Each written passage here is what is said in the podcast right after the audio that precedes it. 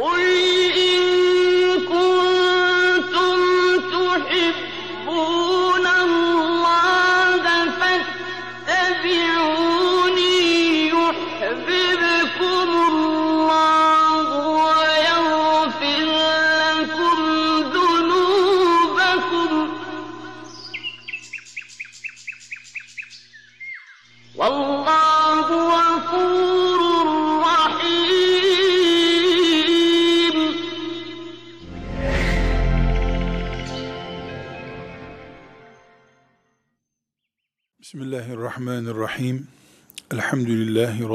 Alemin.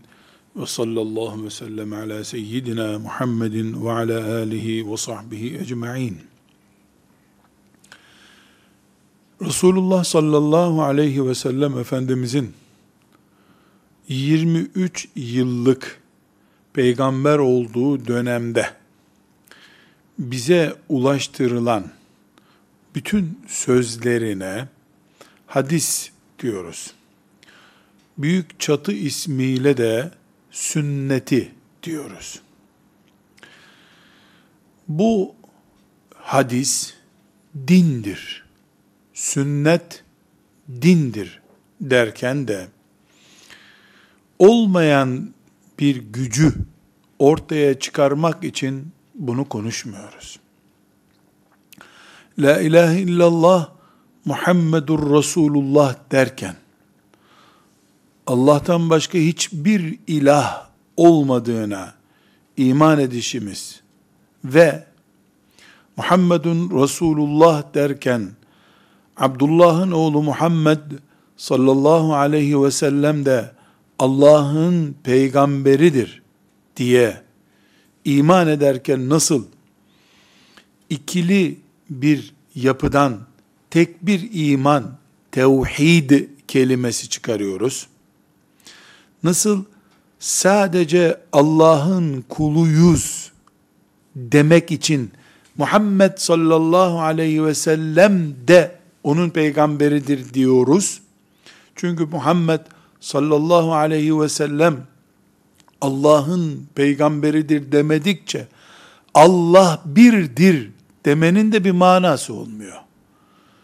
Böylece iman, Allah'ın birliğine iman, tevhid etmek, bunu bir kelimeyle söylemek, kelimeyi tevhid yapmak, ancak Muhammedun Resulullah demekle mümkündür. Muhammedun Resulullah demediği için, bu dünyada milyonlarca insan kafir sayılmaktadır. Allah'ın birliğini kabul eden pek çok Yahudi var. Pek çok Hristiyan var. Evet Tanrı vardır, Allah vardır diyen milyonlarca insan var. Ama Muhammedun Resulullah'sız bir işe yaramıyor bu söz. Ancak Muhammedun Resulullah dediği zaman bir insan tevhid kelimesini yapmış oluyor. Aslında Allah'tır iman ettiği, tevhid ettiği Allah'tır ancak Muhammedun Resulullah ilavesi olmadığı sürece içi dolmuyor o la ilahe illallah'ın. La ilahe illallah'ın içinin dolması ancak Muhammedun Resulullah ilavesi ile mümkündür. Tıpkı bunun gibi bu boyutta değilse de Kur'an kitabımızdır. Bu kitabımızı yaşama kılavuzumuzda sünnettir, hadisi şeriflerdir diyoruz. Bunun için hadisler dindir. Bunlar tarihi sözler değildir. Tarihi bilgiler değildir diye vurgulama yapıyoruz. Tarihi boyutu olan siret-i nebidir. Yani Resulullah sallallahu aleyhi ve sellem Efendimizin doğumuna, doğumundan ölümüne kadar olan hayatını anlatan bilgi dalına siret, sireti nebi diyoruz. Siret, sireti nebinin tarih boyutu vardır. Bizim için yine kılavuz niteliğindedir. Ayrı bir mesele ama mesela Sireti nebi din değildir. Ne demek din değildir? Sireti nebiden ibadet çeşidi çıkarmayız. Çıkaran olmamıştır bugüne kadar. Peygamber sallallahu aleyhi ve sellem Efendimiz peygamber olmadan önce Hira dağına gider, orada tefekkür ederdi. Bir Müslüman bugüne kadar yaşı 35'i geçtikten sonra bir dağ başına çıkıp tefekkür etmeyi denemiş midir hiç? Böyle bir iş var mıdır? Yoktur. Niye? Evet Resulullah sallallahu aleyhi ve sellem Efendimiz bunu yapmıştır. Ama bu bir siret bilgisidir. Bizim için din değildir. Peygamberimiz sallallahu aleyhi ve sellemin özel hayatına, kimliğine mahsus bir ayrıntıdır. Hadisler dindir. Hadisler dolayısıyla onun çatı ismi olarak sünnet dindir. Dinimizi kesinlikle din gibi gördüğümüz kaynaklardan öğreniriz. Dolayısıyla bu hadis kitapları siret kitapları değildir. Peygamber sallallahu aleyhi ve sellemin özel hayatını, günlük tutanaklarını anlatan bilgi kaynaklarımız değildir. Bize cennete girmek için Allah'ın şart koştuğu Müslümanca yaşamayı anlatan bilgi kaynaklarıdır. Bunun için hadis dindir diyoruz. Hadislerin bize ulaşması açısından bize gelen yani ilk çıktıkları hadislerin ilk ashab-ı kiramın ağzından ümmete mal olduğu günden bugüne kadar bize geliş serüveninde din olmasının güçleneceği üç noktaya işaret etmek istiyoruz. Üç noktayı anlarsak hadislerin din olduğuna itimadımız daha güçlü olur. Birincisi, hadisler tarihçilerin, tarih ilmiyle meşgul olanların derleyip toparlayıp önümüze koyduğu, sonra matbaalarda basılmış kitaplardaki bilgiler değildir. Hatta ve hatta çok açık anlaşılsın diye altı çizili ve kalın puntolu bir şekilde şunu söylüyorum. Hadis kitaplarımız, bu kitaplar İslam alimi diye isimlendirdiğimiz mesela müçtehitlerimiz dediğimiz genel alimlerimizin bile kitapları değildir. Yüzde yüz hadis ilmi uzmanı olduğu ümmeti Muhammed'in asırlık birikimiyle, asırlar süren birikimiyle onaylanmış özel hadis alimlerinin kitabıdır bunlar. Biz haşa hadis alimi olmayanlar zayıftırlar. Hadis alimi olmayanların kıymeti yoktur manasında anlamayız bunu.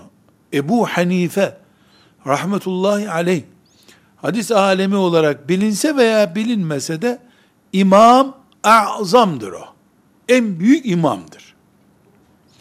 O bütün ilimlerin beyninde şekillendiği bir insandır. Ama uzmanlık alanı özellikle hadis değildir. Bizim hadis kitabımız diye ele aldığımız Buharisinden İbn Mace'sine vesairesine kadar ele aldığımız kitaplarımız hadis alimi olduğu binlerce uzman tarafından tescil, tescil edilmiş, kabul edilmiş, kimliğine, hadisçi kimliğine itiraz edilmemiş alimlerimizin eserleridirler. Peki bunu gündeme getirmemizin ne ayrıcalığı var? Şöyle bir ayrıcalık var. Hastaneye gittiğimizde kalp ritmimizdeki bir bozukluğu bir dahiliyeciye gösterebiliriz. Orada bir pratisyen doktora da gösterebiliriz. Göz uzmanına da gösterebiliriz. Hemşireye de gösterebiliriz. Nasıl olsa teknik cihaza bağlıyor. O cihazdan kalp ritmi bozukluğu ortaya çıkıyor. Bunu bir hemşire de anlıyor. Dahiliyeci de anlıyor. Hepsi anlıyor. Dolayısıyla bir dahiliye uzmanı, hatta bir göz, kulak, burun uzmanı, sizde ritim bozukluğu var, cihaz böyle gösteriyor dediğinde, filan ilacı da genelde tavsiye ederiz dediğinde, yanlış bir bilgi almış olmayız biz. Karşımızdaki zaten, mesela kulak buruncu diyelim, profesördür, uzmanıdır. Bizim ona saygımız vardır. Dahiliye uzmanı zaten kalpte dahiliyede bir bölüm. İnsanın dahilindeki bir şey kalp. Dolayısıyla çok rahat buna inanırız. Ama kardiyolog profesör bize ritim bozukluğu var diye kaşesini bastığı zaman bu bilgi bizim için uzman bilgisidir. İlaç veren devlet de ritim bozukluğu ile ilgili ilacı verdiğinde bu ilaç eğer o uzman, kalp uzmanının imzası ile isteniyorsa ödüyor onu. Dahiliye uzmanı da bunu doğru söylemiştir, bilse de devlet bunu ödeme yapmıyor. Uzmanından dinlemedin diyor bunu. Bu kararı sana uzmanı vermedi diyor. Şimdi bizim hadis kitaplarımız, hadis alimlerinin eserleridir diye üstüne basa basa vurguladığımız hakikat budur.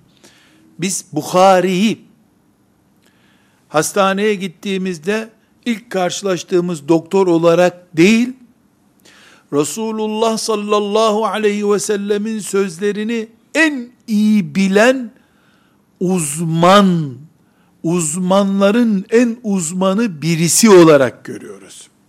Dolayısıyla Bukhari'miz bize bir hadisi şerifi Resulullah sallallahu aleyhi ve sellem böyle dedi diye önümüze koyduğunda tıpkı kardiyoloji uzmanının sende ritim bozukluğu var diye kaşesini bastığındaki itimadımız gibi itimadımız vardır. Her ne kadar biz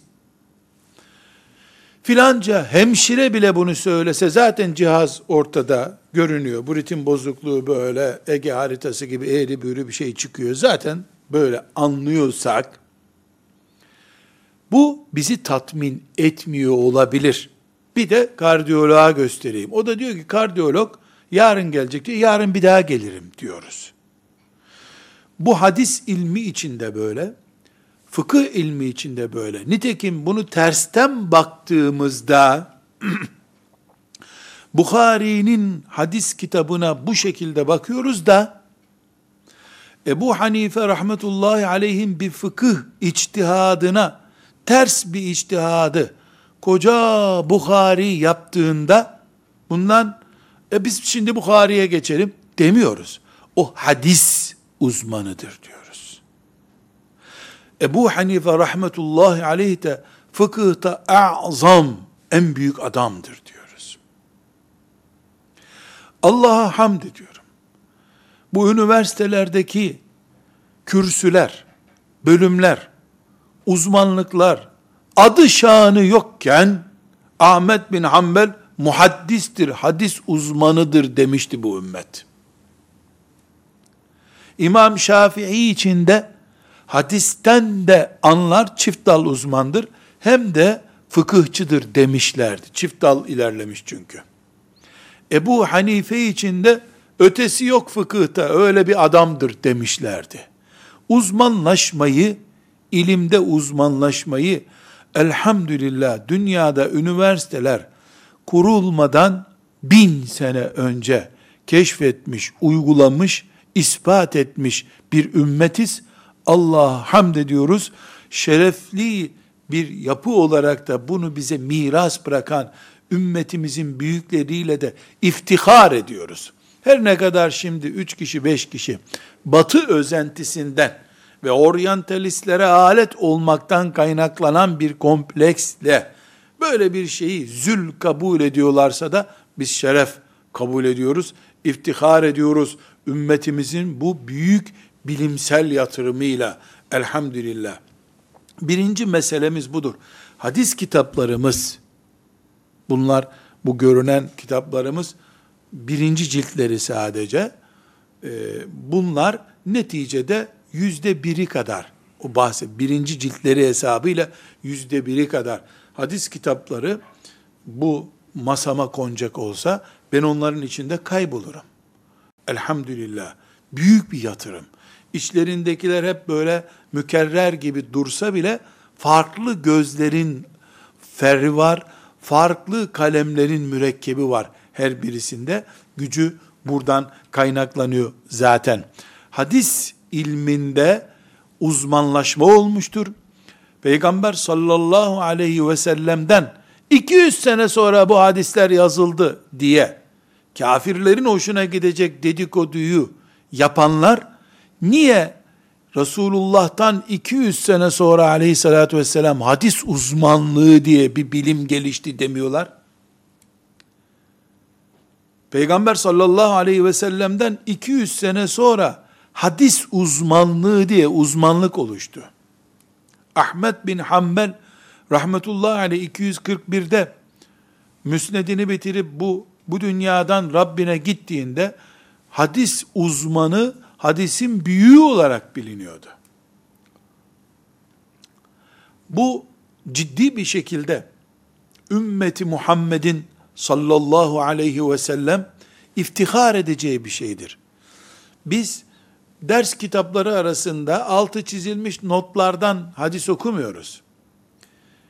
Yaklaşık olarak 1300 seneden beri 1300 seneden beri özel uzmanlık alanında kilerin yazıp bize emanet ettiği kitaplardan hadis okuyoruz ve bununla da iftihar ediyoruz.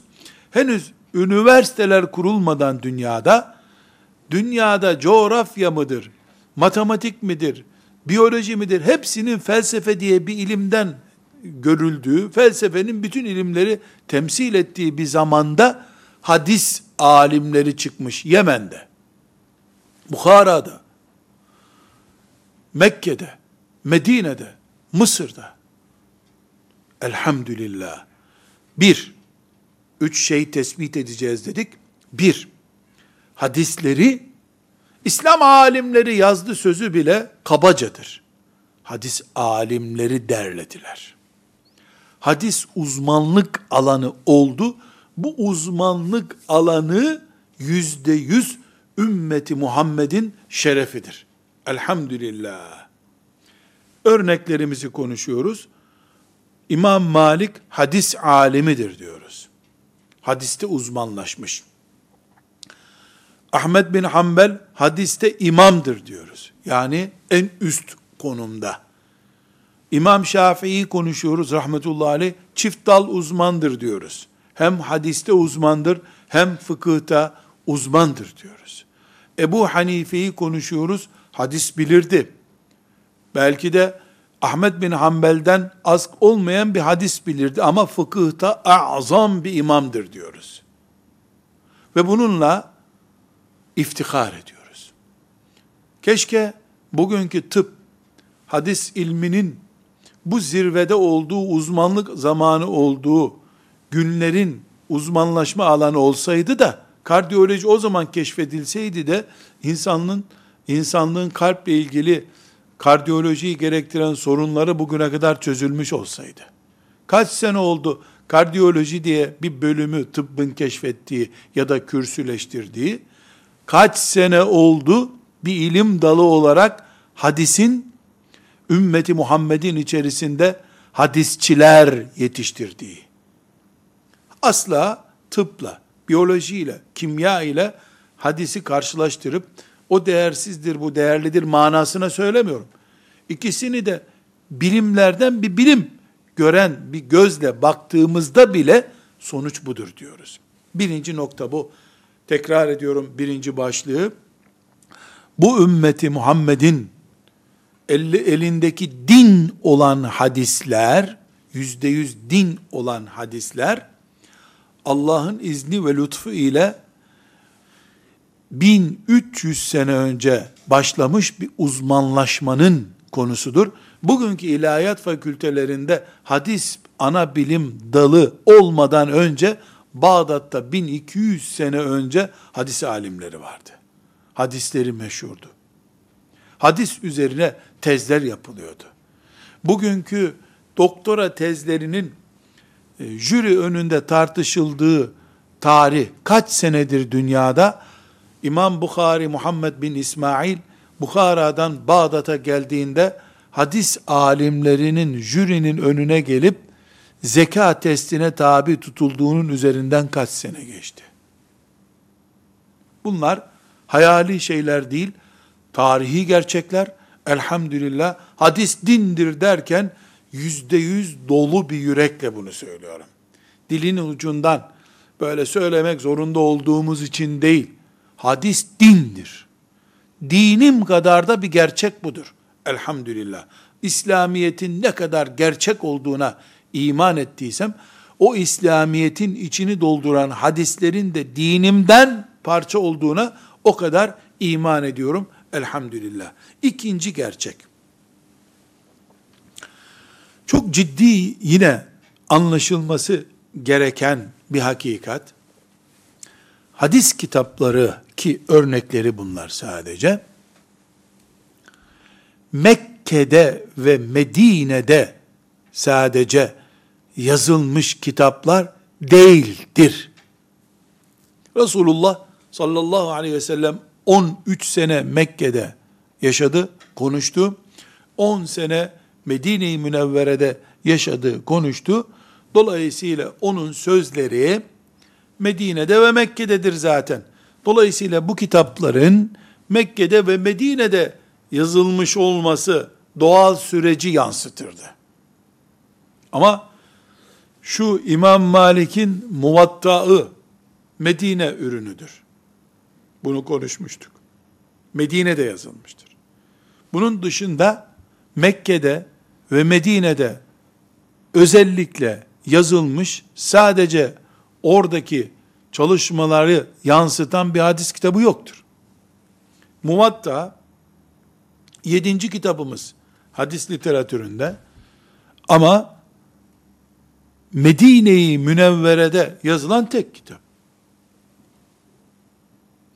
Biz bir gerçek görüyoruz. Hadis külliyatı ümmeti Muhammed'in ezanının okunduğu şehirlerin tamamının ürünüdür. Bu önemli bir gerçek. Tamamının ürünüdür. Nasıl tamamının ürünüdür? Medine-i Münevvere'de ezanı okunuyordu Müslümanların. Müslümanlar çocuklarını alimlerin dizinin dibine oturtuyordu. Annesi İmam Malik'i İbn Ömer'in talebesinin dizinin dibine oturtmuştu. Ümmeti Muhammed Resulullah sallallahu aleyhi ve sellemin hadislerini Medine'de yayıyordu. İmam Malik, Malik bin Enes, orada bu eseri ortaya çıkardı. Bukhari, Bukhara çocuğu, Özbekistan. Kaç bin kilometre Mekke'ye ve Medine'ye. San'ani, Yemenli. Yemen, Mekke'ye hangi mesafede? Medine'ye hangi mesafede? Şam, İbn Asakir'in diyarı, Bağdat, Mısır, diğer İslam toprakları, Maghrib, buraların tamamı bir ekmek fırınındaki kaynama heyecanı gibi Kur'an ve hadislerle kaynıyordu. Bu kaynamanın ürünü olarak Medine'de muvatta çıktı. Özbekistan'da Sahih-i Bukhari çıktı. İran, o günkü İran, İslam toprağı, Ömer bin Hattab'ın zamanında fethedilen İran'da Müslim çıktı.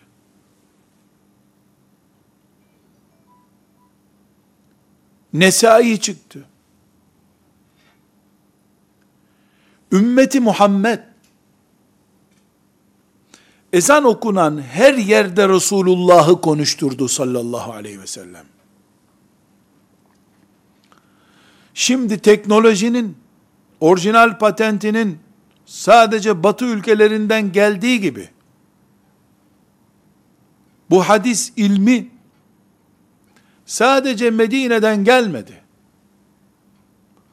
Ashab-ı kiramın Allah onlardan razı olsun. Ayak bastığı her yerde talebeleri oldu.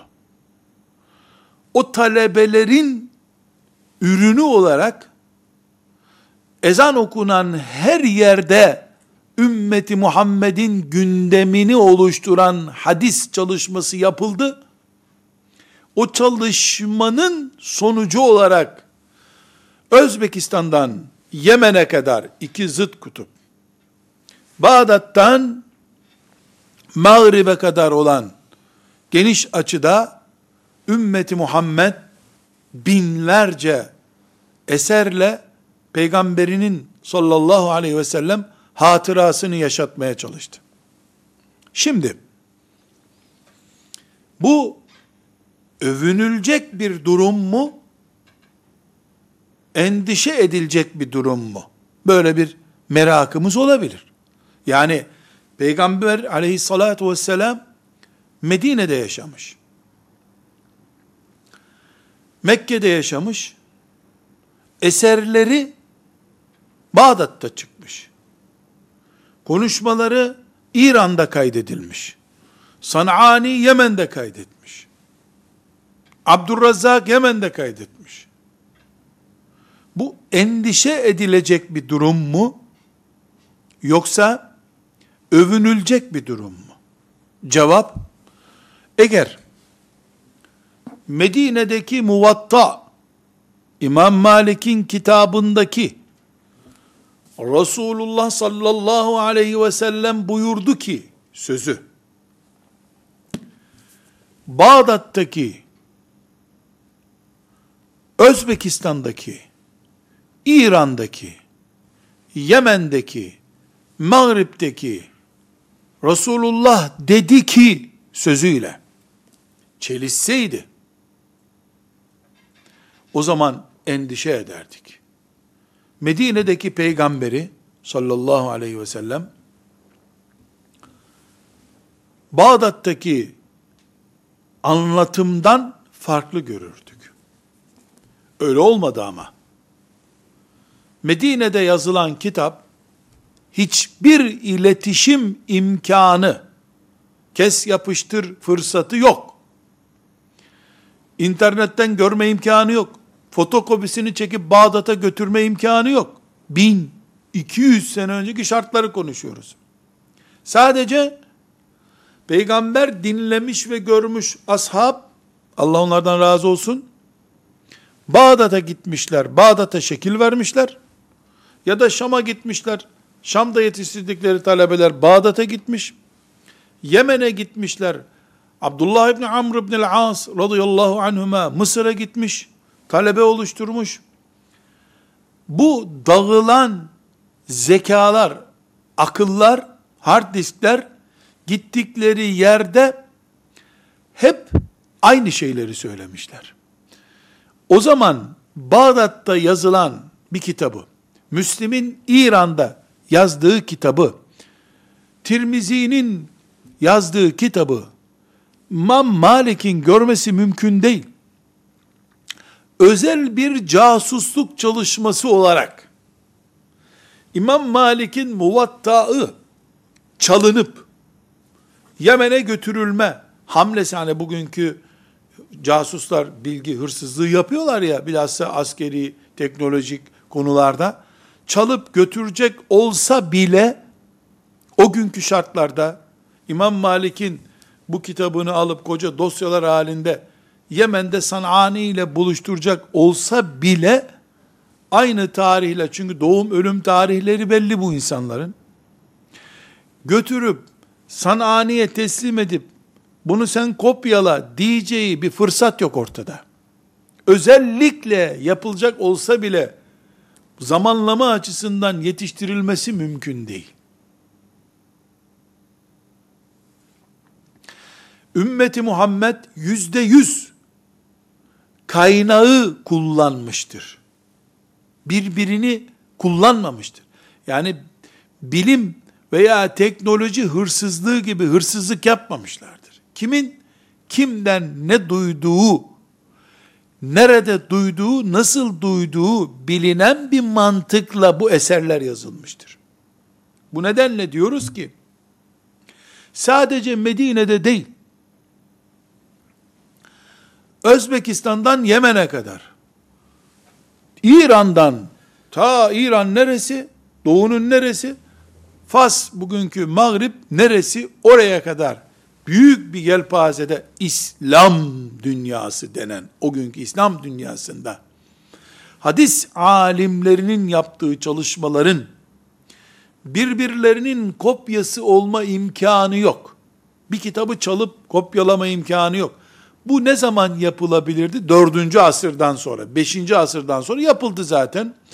O kitabı alıp öbürü özetledi. Onun özetine öbürü ayrıntı getirdi. Ama ana kaynaklar 170. seneden itibaren kütüphanelere, bugünkü deyimle, kütüphane pek yok piyasada, ama kütüphanelere konduğu tarihlerde Müslüman alimler göz nuru emeklerini ve kendi gayretlerini ortaya koyuyorlardı. Bunlarla da anlıyoruz ki biz iki şey çıkıyor bundan. Bütün İslam aleminin ürünü. Canhıraş bir gayretle ümmeti Muhammed Resulullah sallallahu aleyhi ve sellemin hadis mirasının tıpkı Kur'an mirası gibi zayi olmaması için bir fırında pişen ekmekteki heyecan atmosferine benzer bir heyecanla çalışmıştır. Ve bu bütün ümmeti Muhammed'in ortak ürünüdür. Medinelilere ait değildir. Medine'den sadece muvatta çıkmıştır İmam Malik'e ait. Bütün ümmeti Muhammed bunu sahiplenmiştir. Ortada bir yolsuzluk, bu işten geçinme veya bunun sömürüsünü yapma gibi bir durum yoktur. Evet, tek tük yolsuzluk yapacak, bu işten geçinmeye çalışacak birileri çıkmış, linç olmuştur ama. Serseri, utanmaz, hayasız, sahtekar, Allah adına yalan söyleyen, peygamberi öldürmek isteyen, uydurukçu, fiskosçu gibi sloganlaşmış cümlelerle linç edilmiştirler. Allah'ın en sahtekar kulu, zındık herif diye Peygamber sallallahu aleyhi ve sellemin ağzından bir yanlış cümle aktarmaya çalışmış birileri linç olmuştur. Doğru. O günkü piyasa ya da akademik kimlik ya da şöhret hangisini alırsak alalım hadisten geçiyordu. Ve bunu suistimal etmek isteyen üç kişi beş kişi olmuş. Olmamış değildir. Oldu.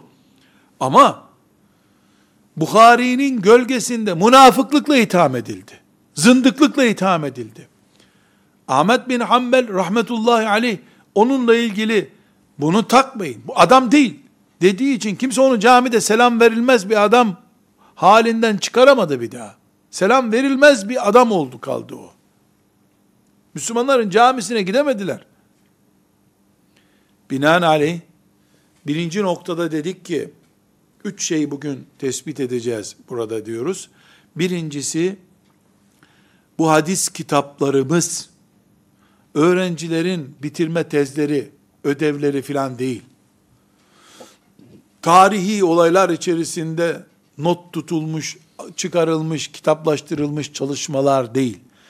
Yüzde yüz kendi alanında uzmanlaşmış şahsiyetlerin ortaya Allah'ın lütfuyla koydukları çalışmalardır. Bir. İkinci olarak da dedik ki, bu bir bölgede bir enstitünün ürettiği bir çalışma da değildir. Çok yoğun bir şekilde Medine'de yapılmış bir çalışma değildir. Bukhara'daki çalışmaların ürünü değildir. İran'daki büyük çalışmaların ürünü değildir. Nerede ezanı okunduysa Müslümanların o okunan ezanın gölgesinde yapılmış dünyaca, evrensel denebilecek çapta bir çalışmadır. Eğer, şimdi bu ikinci bölümün özet sonucunu çıkarıyorum. Eğer biz bu dönemi, yani hicretin ikinci, üçüncü ve dördüncü asrı diyelim. Bu üç asrı, bu ürünlerin uzmanları tarafından ortaya çıkarıldığı hadis kitabı diye karşımıza çıkarılan bu ürünleri bir dönem olarak kaldıracaksak, hicretin üçüncü asrını yok kabul edeceksek, biz bugün nasıl Müslüman olacağız? Biz bir zincirle Resulullah sallallahu aleyhi ve selleme bağlanıyoruz. Zincirin 14 metrelik bir zincir, 3. metresini kestik. Neyle bağlanacağız? Ben bu komikliği Hristiyanlara yakıştırıyorum, Yahudilere yakıştırıyorum, İslam'a hayat tanımak istemiyorlar çünkü. Ama Müslüman olduğunu söyleyene anlam veremiyorum. Neye benzetiyorum ben bunu? Benim evimde projektörler var, lambalar var, elektrikle çalışan cihazlarım var. İyiyim. Keban barajından da benim evime elektrik geliyor. Keban'dan Bolu'ya gelene kadar Bolu'da fırtınadan elektrik hatları kopmuş. Benim şarteli açmam veya kapatmam ne değişecek? Keban'dan Bolu'ya gelirken Bolu'da hatlar kesilmiş. Veya başka bir enerji ağındayım. Müslüman insan, peygamberiyle bağlantısını kurduğu, aleyhissalatu vesselam, hadis zincirinin, üçüncü, dördüncü metresinde veya bir metrede kopmasından nasıl onur duyar? Sonra da nasıl Müslümanım der? Bunu nasıl dillendirir? Sanal bir elektrik kablosu döşemekle, yani aslında barajla bağlantısı yok ama ben bol bol kablo döşüyorum. Bu ne kadar anlamsız. Sana elektrik nereden gelecek? Bir santrale bağlı değilsin. Bu ne kadar anlamsız bir şeyse, hazır döşenmiş bir hattı bir yerinden kesmek de o kadar anlamsız. Bunu kafir yapar, haklıdır. Hristiyan haklıdır. Çünkü ben ne kadar peygamberimden koparsam o o kadar haklı çıkacak. Bu bir din savaşıdır. Yahudinin de içinde bulunduğu, Hristiyanın da içinde bulunduğu, ateist güruhun yönlendirdiği bir din savaşıdır bu. Benim iftiharım neydi? Resulullah'la bağlantımın sallallahu aleyhi ve sellem artı ve eksi kutup gibi tıpkı elektrik hattındaki artı eksi kutup gibi hem Kur'an hem sünnetle güçlü devam ediyor olmasıydı. Onun üzüntüsü neydi? Elindeki kitaptan peygamberinin sözlerine kadar hiçbir bağlantısının peygamberiyle canlı devam etmediğine üzülüyordu o zaten.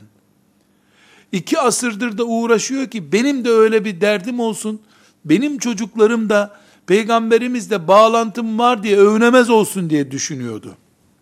Öyle arzu ediyor. Allah bana lütfetmiş peygamberimle bağlantım gözümün önündeki gibi canlı duruyor. Kafirin böyle bir beklentisi ve projesi olması normalde namaz kılan bir insanın La ilahe illallah ve Muhammedun Resulullah diyen bir insanın böyle bir şey düşünmesine mana veremiyorum. Bu sadece kafirin değirmenine su taşımaktır diye geçiyor içimden. Nauzu billahi teala. Üçüncü noktamız. Birinci noktayı tekrar edeyim. Hadis uzmanlarının çalışması bugünkü hadis dindir dediğimiz altyapıyı oluşturuyor. İki, bütün ümmeti Muhammed'in üç asırlık çalışmasının ürünüdür bu ürün. Topluca ümmetin o bölümü kalkınca da biz zaten kalkmış oluruz tarihten. Peygamber ile bağlantısı olmayan bir ümmet haline geliriz. Üçüncü noktamız, yüzde yüz, binde bin, milyonda milyon, milyarda milyar sivil bir çalışmadır bu. Devlet çalışması değildir. Emeviler, Abbasiler, Selçuklular, Endülüslüler, Osmanlılar, İslam'ın devlet ismini taşımışlar.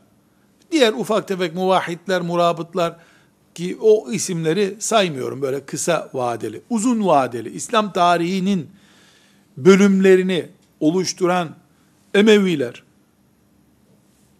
yani ashab-ı kiram, Hulefai Raşidini bu çalışmada yok kabul ediyoruz. Emeviler, Abbasiler, Selçuklular, e, Eyyubiler, onları da kabul edelim. Osmanlılar ve Endülüsler. Hiçbir dönemde devletin bir hadis kitabı yazılsın diye bir emri yoktur. Hiçbir şekilde bir hadis kitabı devlet onayına sunulmamıştır.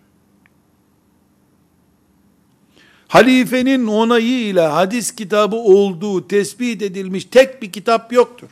Tam aksi vardır ama. Muvatta İmam Malik rahmetullahi aleyh tarafından yazıldığı zaman halife bunu anayasa yapalım demiş. Devlet onayı verelim buna. İmam Malik de olmaz böyle bir şey deyip geri çekilmiştir. Bukhari rahmetullahi aleyh sahihini yazdığı zaman Bukhara valisinden onay almak bir kenara onu bir kurula sokalım, bir inceleyelim dediği için itiraz etmiş, Bukhara'dan kovulmuştur sahih ile beraber. Bukhari sürgünde ölmüştür. Çalışması sivil kalsın diye. Aklı kıt. Kafası az çalışır. Birileri de bunu Bukhari'nin uydurmasına karşı operasyon gibi nauzu billah lanse etmeye çalışma. Halbuki Bukhari bu çalışmayı sivil bırakmıştır. Taberi rahmetullahi aleyh linç edilmiştir. Niye? Çalışmasının sivil kalmasına karşı direndiği için. Sivil kalacak bu çalışma demiştir. İslam tarihinde devlet onaylı tek bir tefsir yoktur. Hadis kitabı yoktur. Eğer bilim yüzde yüz sivil, yani iktidarların inisiyatifi dışında kalacak diye bir kural konacaksa Allah'a hamdolsun. Elimizdeki binlerce hadis kitabı bu onayla hazırlanmış kitaptır. Yani hangi onayla? Devletin yetkisi yok, etkisi yok. Sıfır onay. Sadece hilafet kaldırıldıktan sonra Sahih Buhari'nin özeti basılsın diye Türkiye Cumhuriyeti Diyaneti'ne talimat verilmiştir. Sultan Abdülhamid Han döneminde rahmetullahi aleyh Bukhari ve Müslim üzerine çalışmalar yapılmıştır. Bu yapılmış çalışmaya hizmettir.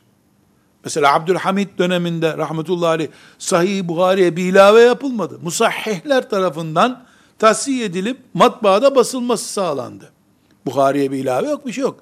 Hiçbir İslam devletinde hadise, hadis kitabına, muhaddise katkı veya emir niteliğinde bir ilave yoktur. Kırbaçlanan Ahmet bin Hanbel vardır ama. Sivil kaldığı için. Ahmet bin Hanbel'in kırbaçlanma nedeni nedir? Devlete hizmet eden bir hadis alimi olmama arzusudur. Neden zindanlarda kaldı Ebu Hanife rahmetullahi aleyh? Sivil kalmak istediği için. İmam Malik neden kırbaçlandı Medine gibi bir yerde? Muvatta sivil kitap olsun diye. Sivil kalsın bu diye İmam Malik Medine'de kırbaçlandı. İmam Şafii rahmetullahi aleyh niye kaçtı Yemen'den? Sivil kalabilmek için. İmam Şafii'nin hayatını okuyunuz. Vali görüşelim. Konuştuklarından, rivayetlerinden haberimiz olsun deyince Bağdat'a kaçtı. Kaçarken yolda yakalanmaya çalışıldı. Allah kurtardı onu. Alimler, hele hele hadis alimleri, sivil kalma pahasına kırbaçlanmışlar, sivil kalma pahasına zindanlanmışlardır. Bugün yüzde yüz hür iradenin ürünü, siyasi iktidarın etkisinin sıfır olduğu ürün hadis kitaplarıdır elhamdülillah. Belki aklı kıt, sui edep birisi, Ebu Yusuf Harun Reşid'in e, yanında sekreter gibi duruyordu. Dolayısıyla onun yazdığı haraç kitabında belki işte vardır e, iktidar etkisi dese, hani bunu bana söyleyemezler de kime söylerler bilmiyorum. Akıl yoluyla ispat edebilir. E bu adam şu kadar 15 sene Harun Reşit gibi siyasi bir adamın e, din danışmanı olarak durdu. Ondan sonra ölmeden de işte bu hacimde bir kitaptır. Böyle bir Haraç isimli kitap yazmışsın sen. Siyasi etki vardır bunda. Bana ispat edemez. Ben Ebu Yusuf rahmetullahi aleyhi sangişini görüyorum gibi o kitabı yazarken. Meşayihinden duyduğu sözleri yazıyor. Çünkü şimdiki gibi bu üniversiteden sürülürüm, tayinim çıkar, korkusu şimdiki hastalıktır. Onların hastalığı olsaydı öyle bir hastalık, iktidardan zarar görmeyeyim diye bir endişeleri olsaydı Ahmet bin Hanbel kırbaçlanmazdı. Hırsızlarla aynı kodese atılmazdı. Hırsızlarla, yol kesenlerle aynı zindanlara girmeye razı oldular. Yahu şunu da görmeyi ver sözüne razı olmadılar. Bugünkü genç kardeşlerime, ilahiyat okuyan, medrese okuyan, imam hatip okuyan kardeşlerime diyorum ki, güzel kardeşlerim benim, alın bir Bukhari'yi, şöyle, Müslim'i alın, bunları böyle incelemeyin, gözünüzü içine sokarak, sayfa sayfa öperek, yüzde yüz bir alimin hiç kimseden, hiçbir siyasi iktidardan, hiçbir akımdan, hiçbir ideolojiden etkilenmeden, ashab-ı kiramın talebelerinden duyduğunu yazdığı kitaplardır diye övünün bunlarla. Övünün. Bağrınıza basmak kelimesi sahih Müslim'in hakkıdır bu dünyada. Bana siyasi iktidarlardan, bilimsel komisyonlardan etkilenmeden yazılmış bir tane tarih kitabı göstersin bir Müslüman. Ama ben İslam'ın en büyük tarihçisi Taberi'yi gösterebilirim. Komisyonlardan, danışmanlardan etkilenmeden yazdığı kitaptan dolayı belki de mahalle camisine bile gitmeye artık mecal bulamayacak kadar baskı gördü. Tek bir satırında değişikliğe razı olmadı ama. Kitabında yanlışlar olabilir mi? Olur tabi. Biz burada kitabında Taberi'nin mesela yanlış vardı yoktuyu konuşmuyoruz. Neyi konuşuyoruz? Hür iradesini mi kullandı? Bir iktidarı mı kullandı? Emeviler hadis kitaplarına müdahale etti diyorlar. Yazıklar olsun be. Oryantalistler bunu söylüyor. Bir Müslüman bunu nasıl söyler? Madem öyle, Haccacın öldürdüğü tabiinler niye öldüler madem Emeviler müdahale edebiliyordu? Said İbni Cübeyr niye parçalandı? Hasan Basri niye Haccacın huzuruna çıkarıldı? Madem müdahale ediliyordu hadis kitaplarına, Allah'tan korkar insan.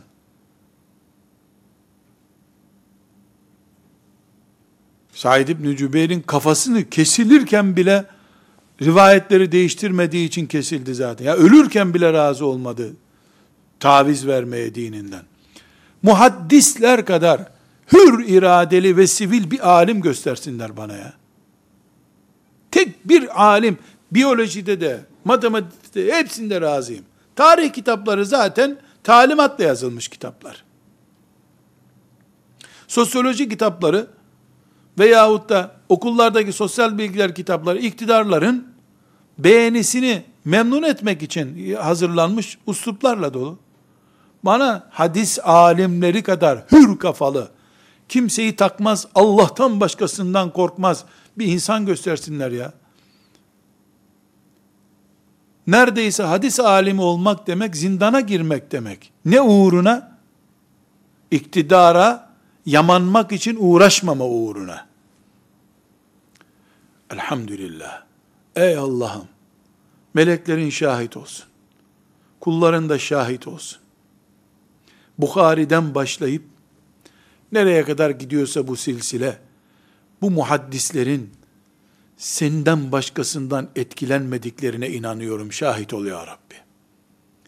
Etki altında kaldıkları doğru ama, sağındaki solundaki meleklerin etkisinde kaldılar. Sarayların etkisinde hiç kalmadılar. Ey Rabbim şahit ol. Bin kere itirafıma şahit ol. Emeviler yazdırdı. Abbasiler bulaştırdı. Filancalar döneminde uyduruldu. Osmanlılar uydurdu diyenlerle beraber dirilmek istemiyorum ya Rabbi. Resulullah dedi ki sallallahu aleyhi ve sellem Ebu Hureyre'den duydum diyenlerle dirilmek istiyorum. Böyle kabul buyur beni ya Rabbi. Velhamdülillahi Rabbil alemin.